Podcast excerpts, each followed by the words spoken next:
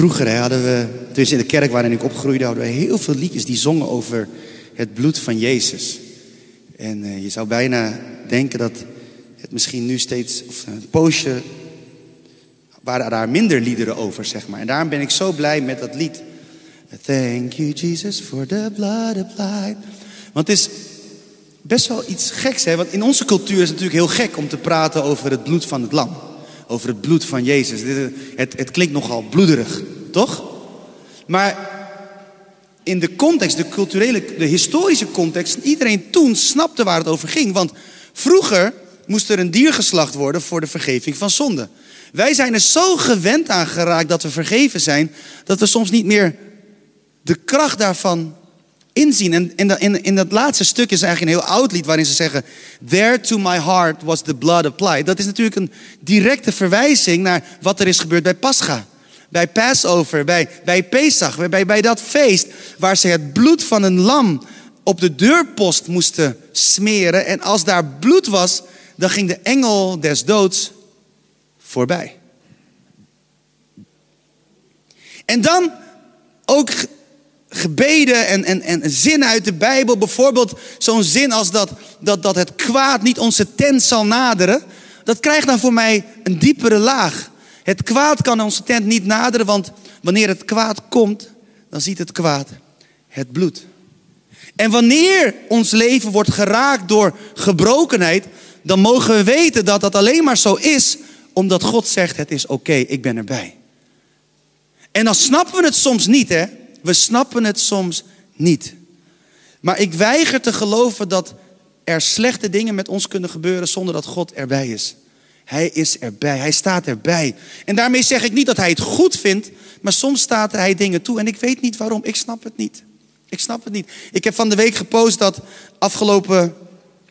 Ik ben de dagen een beetje kwijt. Maar volgens mij, de afgelopen week zou mijn broer 50 jaar geworden zijn als hij nog leefde. En tot op de dag van vandaag, ik heb geen, ik heb geen verklaring. Tuurlijk heb je dingen proberen te bedenken, maar we hebben geen verklaring. Mijn broer leefde, is op zijn zevende overleden. Op mijn verjaardag. Ik werd twee, hij overleed. Ik snap het niet. Als iemand me hier snapt, als iemand hier een, een openbaring van God krijgt, vertel het me, maar ik snap het niet. En waarschijnlijk geloof ik je ook niet als je het zegt. Want dat zijn gewoon de vragen die we hebben en die we zullen houden. Maar in die vragen weten we, God is erbij. En waarom hij het heeft toegestaan, ik weet het niet. Maar hij was er wel bij. In het verdriet, in de pijn, in het, in, in het verlies. En, en nu nog steeds. Maar aan de andere kant zijn er ook weer hele bijzondere dingen gebeurd. Als, als mijn broer niet ziek was geworden, waren wij nooit naar Nederland verhuisd. Want mijn ouders hadden een heel prima leven in Indonesië. Mijn moeder had nog nooit gekookt, volgens mij, voordat ze naar Nederland kwam. Want daar hadden ze mensen voor. Die kookten.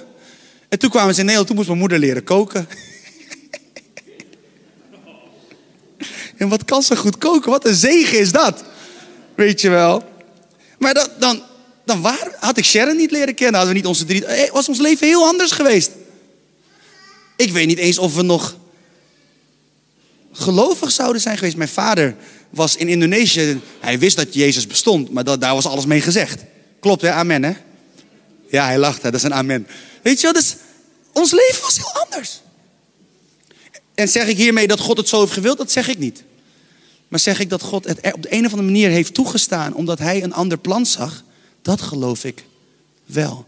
Want de boze heeft nooit het laatste woord als het gaat om het leven van zijn kinderen. Dat geloof ik niet. Snappen jullie wat ik zeg? Dat geloof ik niet. God, there to my heart was the blood applied. Glory to his name. En wanneer Satan iets probeert te flikken, mag ik dat zeggen? Ja, dat kan ik wel zeggen. Dan ziet hij het bloed en dan weet hij, ik moet toestemming vragen. Dat is gewoon zo. There to my heart was the blood applied. En hoe mooi is het dat we nu bezig zijn met het thema het hart. Het hart, ons hart. En ik ben zo blij met Jorine die vorige week zo mooi is gestart. Zo mooi. Eigenlijk een beetje de lijn heeft neergelegd zonder al het gras weg te maaien. Maar een beetje zo'n heenwijzing van jongens, dit, dit gaan we kunnen verwachten. Dit gaat er gebeuren. De Bijbel spreekt zoveel over het hart. En ik vond het knap, want ze heeft allemaal teksten gepakt die niet in de komende weken voorbij komen. Heeft ze waarschijnlijk op gelet, maar zo is Jorine, die, die, die denkt over dingen na. Dat is heel fijn. En, en, en heel mooi heeft ze gedeeld over het hart. En elf zondagen lang gaan we stilstaan rondom het hart. En je zou nog langer kunnen praten, want het hart is zo belangrijk. De tekst van vorige week waar Jorine uitsprak was... Waak over alles waarover je waakt. Waak vooral over je hart, want het is de bron van je leven. Het, het, is, het is een bron van waaruit leven komt. Dus als je hart beschadigd is, als je hart verbitterd is, dan komt er dus iets bitters uit. Waak over je hart. En ik wil vandaag verder gaan waar, waar, waar Jorine vorige week is gebleven. Dat is natuurlijk het mooie van zo'n geestelijke lijn. Dan bouw je met elkaar door. Dan doe je het samen. Want hoe kan je goed waken over je hart? Want ik geloof met alles wat in mij is, dat de beste manier om te waken over je hart, is door je hart aan God te geven. Dat is de beste manier. En dat klinkt heel simpel, maar in de praktijk is dat knap lastig. Weet je wel, we hebben met kernteam hebben, praten we natuurlijk, we komen om de twee weken, of om de week samen. En, en, en, en er werd laatst best wel een kritische vraag gesteld. En ik ben daar heel dankbaar voor, want ik ben dankbaar voor kritische vragen.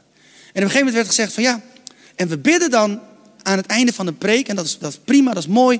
Maar, maar daarmee is het toch niet allemaal gezegd en gedaan. En ik denk, dat klopt.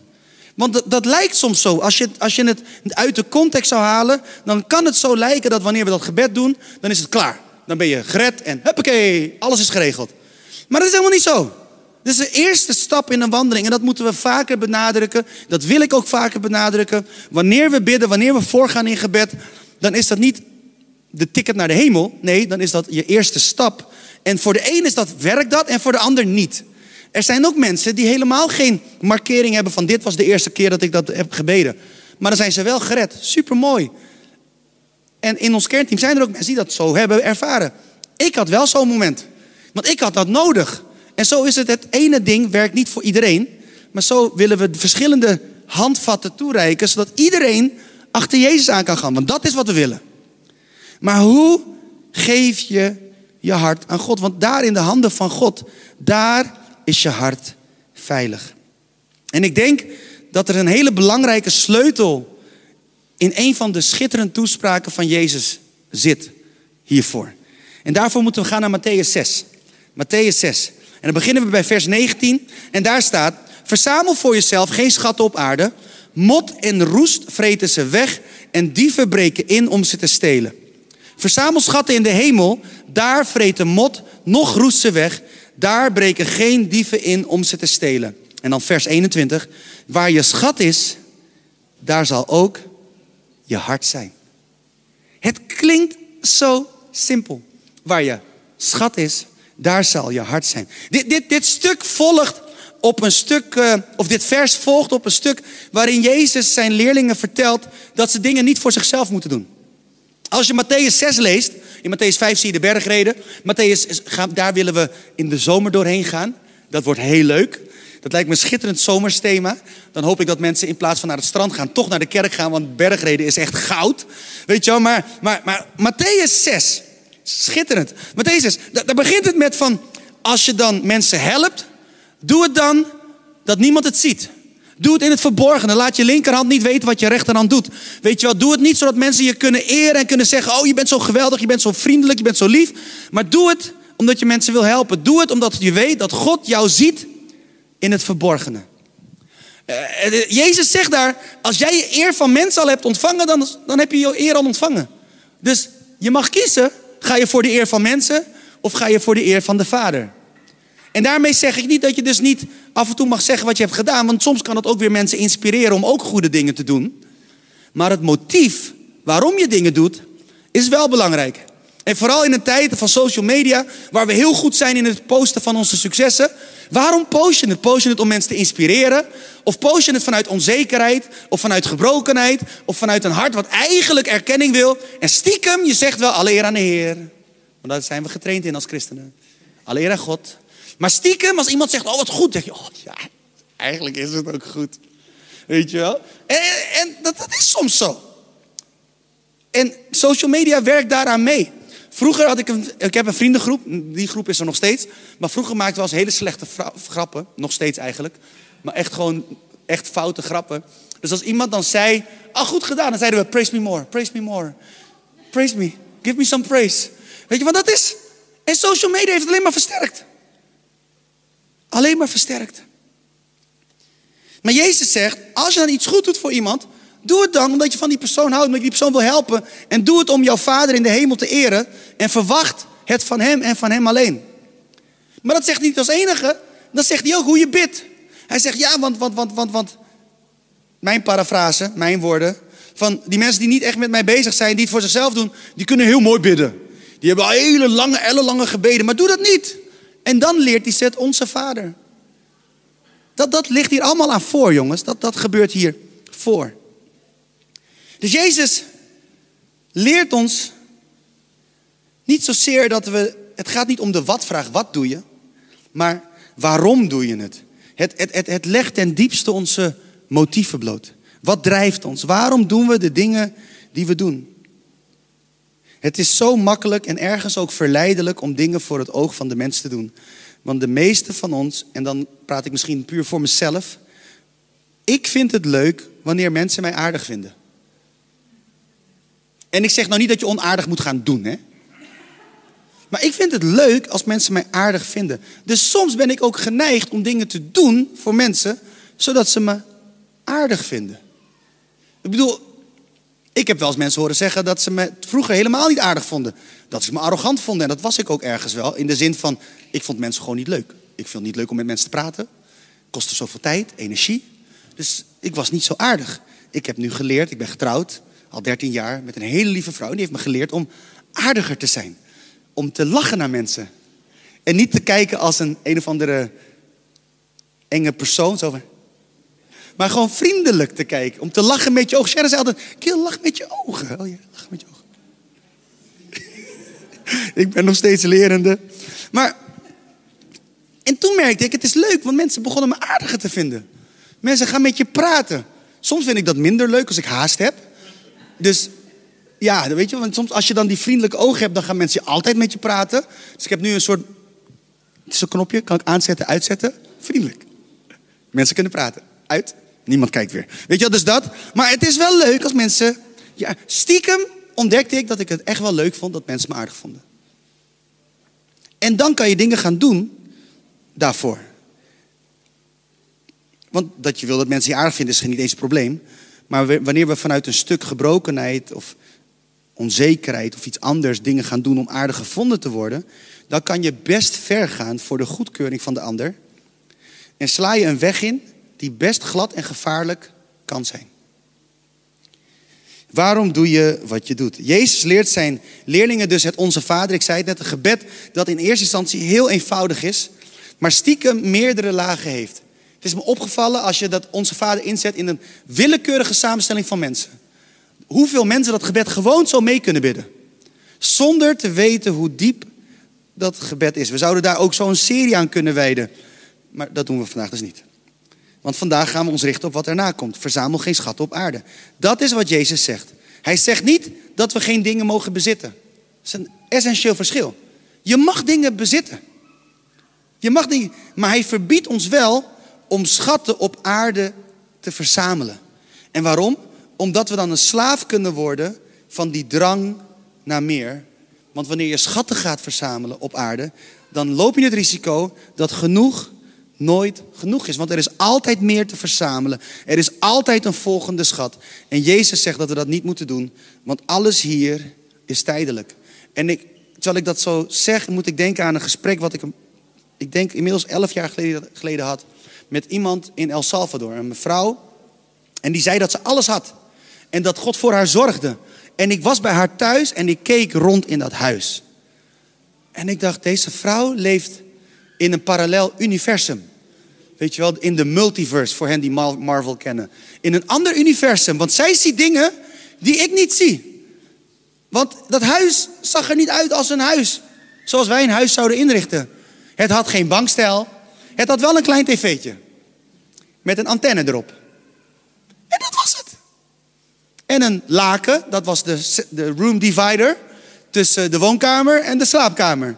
Maar in de slaapkamer was geen bed, maar was gewoon een dun matrasje op de grond.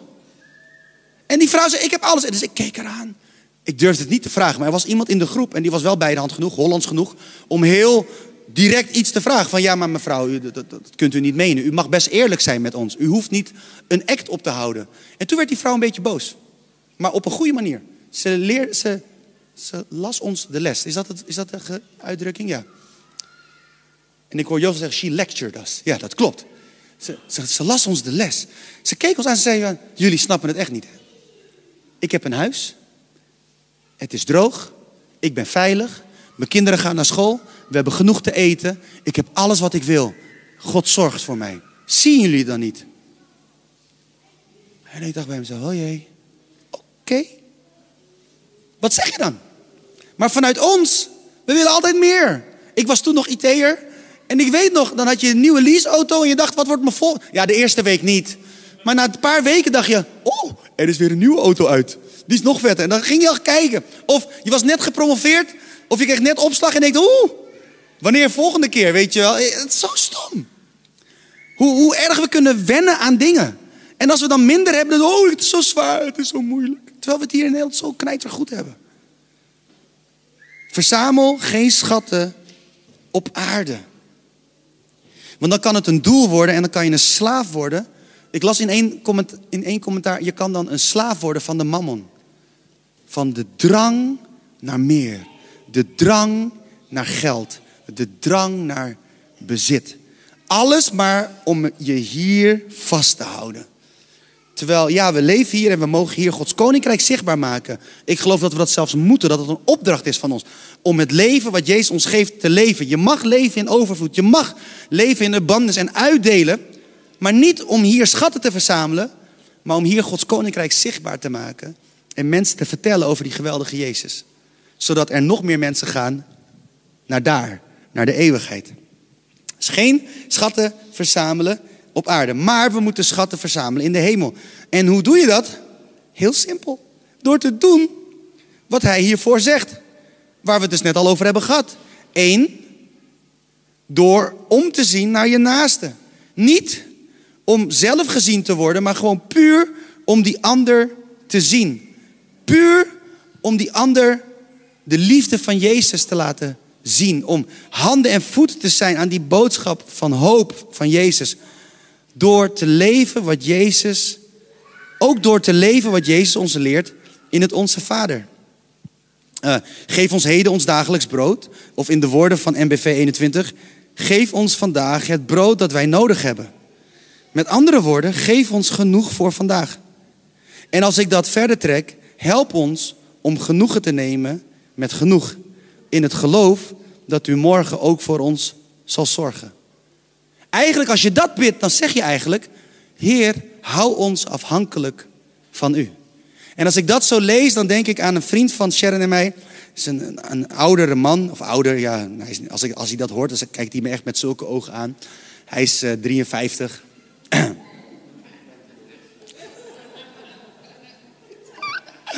en uh, ik weet nog heel goed, uh, ik denk, uh, ik denk dat iets van 15 jaar geleden kon hij zijn bedrijf verkopen. Hij heeft een heel goed lopend bedrijf. Het is nog steeds een heel groot bedrijf, bestaat inmiddels al 30 jaar. Maar 15 jaar geleden kon hij iets verkopen. En als hij het zou verkopen, dan hoefde hij nooit meer te werken. Zijn kinderen hoefden nooit meer te werken. En waarschijnlijk zijn kindskinderen, dus zijn kleinkinderen, hoefden ook nooit meer te werken. En, en waarschijnlijk daarna dus ook. Dat gaat zo. Hè? Als je dus echt, dat ging dus niet over een miljoen, ging ook niet over een miljoen. Ging echt over heel veel geld. Heel veel. En uh, hij heeft het niet gedaan. En waarom niet? Omdat hij is dat bedrijf ooit begonnen vanuit een burn-out. Dat heette toen nog anders. Want het was toen 30, 35, 30 jaar geleden. Toen hij was overwerkt, denk ik. Overspannen. Zo heette het toen. Is hij begonnen met iets van duizend gulden. En, en met, met, hij had een, een gereedschapskistje. En zo is hij zijn bedrijf begonnen. Met een bijbeltekst. Werp al uw bekommernis op mij, want ik zorg voor u. Die, dat woord kreeg hij. En dat is heel bijzonder. Want het is een broeder uit de wat meer uh, strenge hervormde bond. waar ze nog in hele noten zongen. En daar werd niet zo vaak aan profetische woorden gedaan. Dus hij noemde het ook geen profetisch woord. Hij noemde het gewoon een schriftwoord wat hij op zijn hart kreeg. Dus dat is heel mooi. Inmiddels geeft hij er andere woorden aan, maar dat vond ik zo mooi. Maar hij had een profetisch woord en hij is zo begonnen. En toen hij dat bedrijf kon verkopen voor die tientallen, of misschien zelfs richting de 100 miljoen euro's, en dat soort dingen, echt heel veel geld.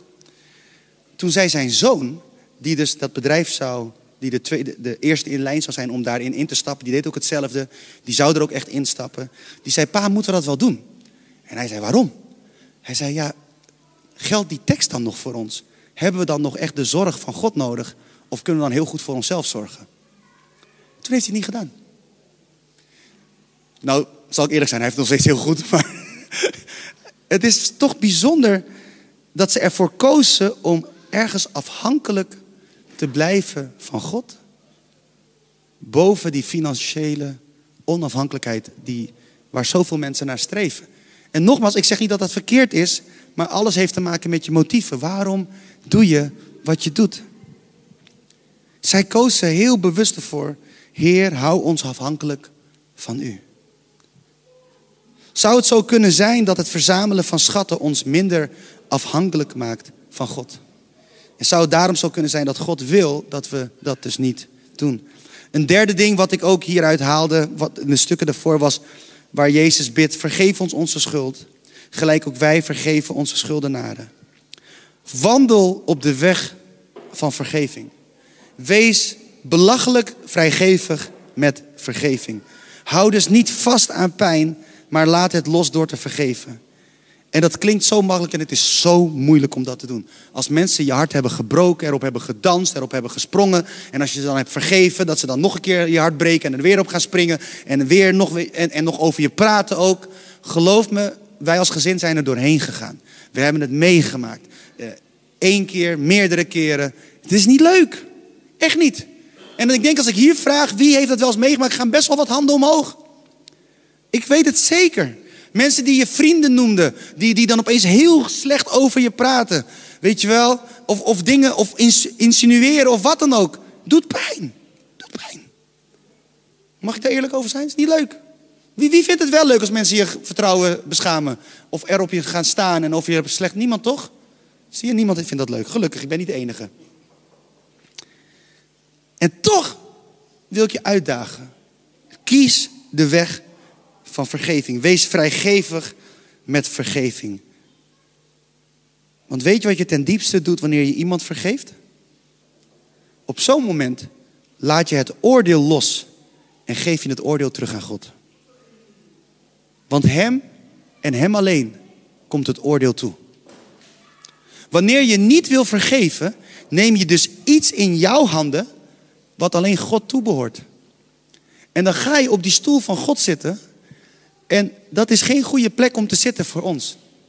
Die stoel is te groot. Die stoel kunnen we niet aan. En als je op die stoel gaat zitten dan, en je gaat het oordeel vasthouden, dan ga je ook het gewicht van oordeel ervaren in je leven. En dat uitzicht bij ons in stress, in, in, in pijn, in moeite, in alles wat God niet voor ons heeft. Laat het los. Geef het oordeel terug aan God. Want Hem en Hem alleen komt het toe. En dit zijn zomaar drie concrete handvatten om schatten in de hemel te verzamelen. En er zijn er vast meer te bedenken uit dit stuk. Maar deze drie kwamen zo even naar boven. Dus één, zie om naar je naaste. Niet om zelf gezien te worden, maar puur om die ander te zien. Twee, neem genoegen met vandaag, met wat je vandaag hebt. Hou jezelf afhankelijk van Hem. En drie, hou het oordeel niet vast, maar geef het terug aan God. En wanneer je dat doet, hè, dan geldt vers 21. Waar je schat is, daar zal ook je hart zijn. Als je wilt weten hoe je hart veilig kan houden, dan wil ik je deze belangrijke sleutel geven. Zorg dat je hart in hemelse handen is. En dat doe je dus niet door je te focussen op het aardste, aardse, maar door je op aarde de hemelse weg te bewandelen. Door bijvoorbeeld aan de slag te gaan met die drie punten die ik eerder noemde. En, hoe kan je eigenlijk checken of je dat dan inderdaad doet. Ik denk, ik geef je nog een tip. En dan zijn we klaar. Maar nog een tip. Ik heb voor mezelf twee indicatoren gevonden die echt werken. En dat zeg ik eigenlijk ook aan iedereen die uh, bij ons in de kerk wil trouwen. Want dan, dan geef ik het in een iets andere context. Zeg ik, ja, dat is iets waar je kan zien of je echt tijd aan elkaar besteedt. Of dat je echt om de ander geeft, of de ander belangrijk is. Maar twee indicatoren om te zien wat is belangrijk in jouw leven. Leuk hè? Twee dingen. Allereerst, tijd. Waar geef je je tijd aan uit? Wil je weten wat belangrijk is in je leven? Kijk in je agenda en kijk waar je in de afgelopen twee weken, drie weken, vier weken tijd aan hebt besteed. Waar heb je tijd aan besteed? Heb je mensen geholpen? Heb je omgezien naar anderen? Heb, heb je tijd vrijgemaakt om je in te zetten voor anderen? Of ben je zo druk geweest met het leven? En dit is niet om iemand te veroordelen, maar het is gewoon puur als indicator. Want jullie keken me allemaal vragend aan toen ik zei, wil u het weten? Dus hier zijn ze. Tijd. Waar heb je tijd aan besteed? En daarom zeg ik ook heel eerlijk, weet je, kijk terug in de afgelopen twee, drie, vier weken. Wees niet te streng voor jezelf. Ga niet kijken, waar, wat heb ik gisteren allemaal gedaan. Nee, want soms moet je gewoon je dingen doen. Maar over een maand, heb je tijd besteed om iemand te helpen? Heb je tijd besteed om iemand te bellen om te vragen, hoe gaat het met je? En als je geen beller bent, heb je tijd besteed om iemand te appen? Hoe gaat het met je? En dan niet als standaardvraag, maar echt als iemand dan antwoordt, dat je dan ook terug antwoordt. Dat je echt een gesprek aangaat. Heb je tijd besteed om iemand te helpen? Tijd. Hele belangrijke indicator. En de tweede, en dit is echt niet leuk in Nederland, maar het is echt waar. Geld. Waar heb je geld aan uitgegeven in de afgelopen maand? Is het alleen maar jouw leven, jouw dingen? Of heb je ook maar iets kunnen geven voor een ander? Heb je ook maar iets kunnen geven om mee te bouwen aan het koninkrijk van God hier op aarde? Heb je ook maar iets van dat geld wat je hebt gekregen van God kunnen inzetten om. En dan zeg ik niet eens dat je het per se een reconnect moet geven, maar al geef je het aan, aan iemand die, waarvan je weet, die heeft het even moeilijk. Of al geef het alleen maar aan iemand. Als je zegt, ja, maar ik weet niet hoe ik moet beginnen. Ik ga je een tip geven. Pas op, hè, dit is een tip, maar dit werkt. Loop gewoon op straat. En als er iemand is die vraagt om geld, dan kan je gewoon naar die persoon toe gaan en zeggen: hey, Zilver en goud heb ik niet. Nee. Zeg je, hey, heb je honger? 9 van de 10 keer zeggen ze, ja, ik heb honger. Zal ik wat voor je halen? Wat wil je hebben? Dan kijken ze je meestal verbaasd aan. Want die vraag krijgen ze niet heel vaak. En soms zeggen ze, ik wil niks. Maar dan wil ze gewoon geld. Want ze weten, jij gaat geen drank en dat soort dingen voor ze kopen. Maar heel vaak krijg je ook echt wat te horen. Ik wil wat brood. Ik heb één keer een kebab voor iemand gehaald. Die had trek een kebab. Die had smaak. Dus ik, ik ging met hem naar mijn favoriete kebabzaak. Ik zeg, bestel maar wat je wil. Ik reken af. Dat is heel simpel. Hoef je, niet, hoef je geen woord van de hemel van te hebben. Hoef je niet heel lang voor te bidden en te vasten. Heer, wat kan ik voor u doen? Maar gewoon. Doe wat je hand vindt om te doen. Heb iets minder haast in je leven. Bouw ruimte in in je agenda voor de verrassingen van God. Dat is ook zo'n tip. Bouw ruimte in in je agenda voor de verrassingen van God. Want een verrassing van God kan zijn dat je dus iemand mag helpen. Dat is een verrassing van God. Dat is leuk. Er is niks leuker dan iemand te helpen. Schitterend. En God zegent de ruimte die jij maakt voor verrassingen van Hem. En als je die dingen dus doet, dan verzamel je schatten in de hemel. En waar je schat is, daar zal je hart zijn. Het is heel praktisch. En als je dit allemaal samenvat, dan is het heel simpel. Wanneer jij omziet naar een ander, dan ziet God om naar jou. Punt.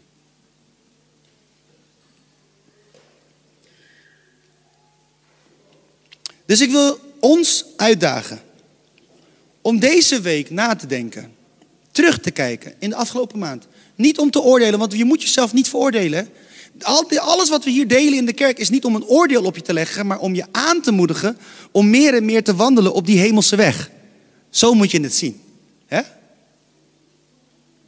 Want ik heb wel eens een keer als feedback gehad toen ik het had over dat je meer de Bijbel moet lezen. iemand, ja, zie je, krijg ik weer een wet. Ik zeg, nee, is geen wet.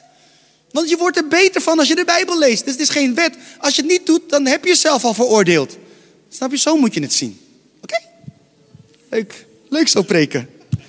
Maar goed, neem deze week een moment om terug te kijken. Afgelopen maand, het is bijna eind van de maand, kan je ook mooi naar je bankrekening kijken. Waar heb ik geld aan uitgegeven? En voor al die mensen die zeggen, ja maar Gil, dan hou ik niks over. Ik ga nou iets zeggen. En ik hoop dat jullie het me vergeven. En, en de mensen die me langer kennen, dat ze mijn hart kennen. Want het gaat me niet om het geld, maar het gaat me om je hart. Eén ding wat ik zelf altijd doe, probeer te doen, als de incasso's niet eerder eraf zijn dan. Weet je wel, maar wat ik eigenlijk altijd probeer te doen is, wanneer ik mijn geld ontvang, zet ik een deel apart als eerste en zet ik het apart voor God.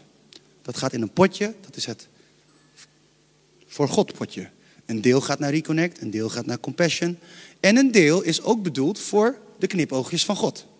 Want ja, als je niet aan het begin van de maand iets apart houdt, dan is de kans groot als het knipoogje aan het eind van de maand komt, dan is het op. Dus aan het begin van de maand zet ik het potje apart. Dit is het Godpotje. En in bijbelse termen zijn dat de eerstelingen van mijn inkomsten. Zet je apart. En het grappige is dat de rest dan ook goed komt. En je moet wel je hoofd gebruiken. Hè? Je moet niet zeggen: Oké, dan zet ik aan het begin van de maand 95% apart voor God. Nee, gebruik je hoofd. Kijk, kijk, kijk gewoon nuchter naar je standaard uitgaves en dingen en zo. En als je standaard te veel uitgeeft dan je kan veroorloven, is dat ook een indicator van dat je moet nadenken van, oh misschien wil ik te veel. Zie ik geef jullie gewoon tips. Ook voor de mensen thuis. Ik geef tips. Maar zet iets apart wat kan. En dan ga je zien hoe God voor je gaat zorgen. Echt waar. Dat is mijn getuigenis, ons getuigenis. We, maken het mee. We hebben het deze maand nog meegemaakt. En ik, ik, ik, ik deel dit puur als getuigenis, zodat jullie misschien bemoedigd worden. Zoals velen van jullie misschien weten, is onze bakfiets vorig jaar gestolen. En we zaten soort op de wipwap, gaan we weer een bakfiets nemen. Maar een bakfiets is duur. En Sharon heeft een dure smaak, want ik probeer haar te bewegen richting de baboe. Maar Sharon wil een Urban Arrow. Bid voor ons hoor, bid voor ons. Dus ik zei, oké, dan gaan we voor een tweedehandse Urban Arrow. Maar die zijn nog steeds knijterduur. Je hebt minimaal 3000, tussen de 3 en de 4000 euro nodig. Nou hadden we allemaal optredens deze maand. En dacht ik, oh ja, dan zetten we die apart voor die Urban Arrow. Maar ergens dacht ik ook, ja, maar we moeten ook nog op vakantie. Dat is voor de meiden ook leuk, weet je wel. Dus we moeten niet alleen maar aan onszelf denken. Dus heren, wilt u voorzien? Toen kregen we een aanbieding, of werden we gevraagd om ergens op te treden. En uh, het was heel bijzonder. Uh, iemand vroeg ons en, en ik zei, oké, uh, ik zei tegen Sharon, wat zullen we doen? Dat is iemand die we goed kennen, die ons, goede vriendin van ons, dus wil die persoon helpen. Dus dan ga je ook geen geld vragen. Dus we gingen ervoor bidden van, heer, mogen we toch geld vragen? En de hemel was stil. Dus dat betekent meestal, hou je mond, vraag niks. Dus wij zeiden, oké, we gaan je helpen. Als je de muzikant een klein beetje geeft, weet je wel, we moesten twee dagen spelen. Dus als je de muzikanten 2,50 per dag geeft, hoef je ons niks te geven. Het is al meer dan genoeg geld, weet je wel. Top, we willen je zegenen. Heel lang stil, zei oké prima, het was akkoord. En opeens, een maand later, out of the blue, krijgen we een appje. Ja, ik heb het idee dat God tegen me zegt dat ik jullie 2000 euro moet geven. Zo.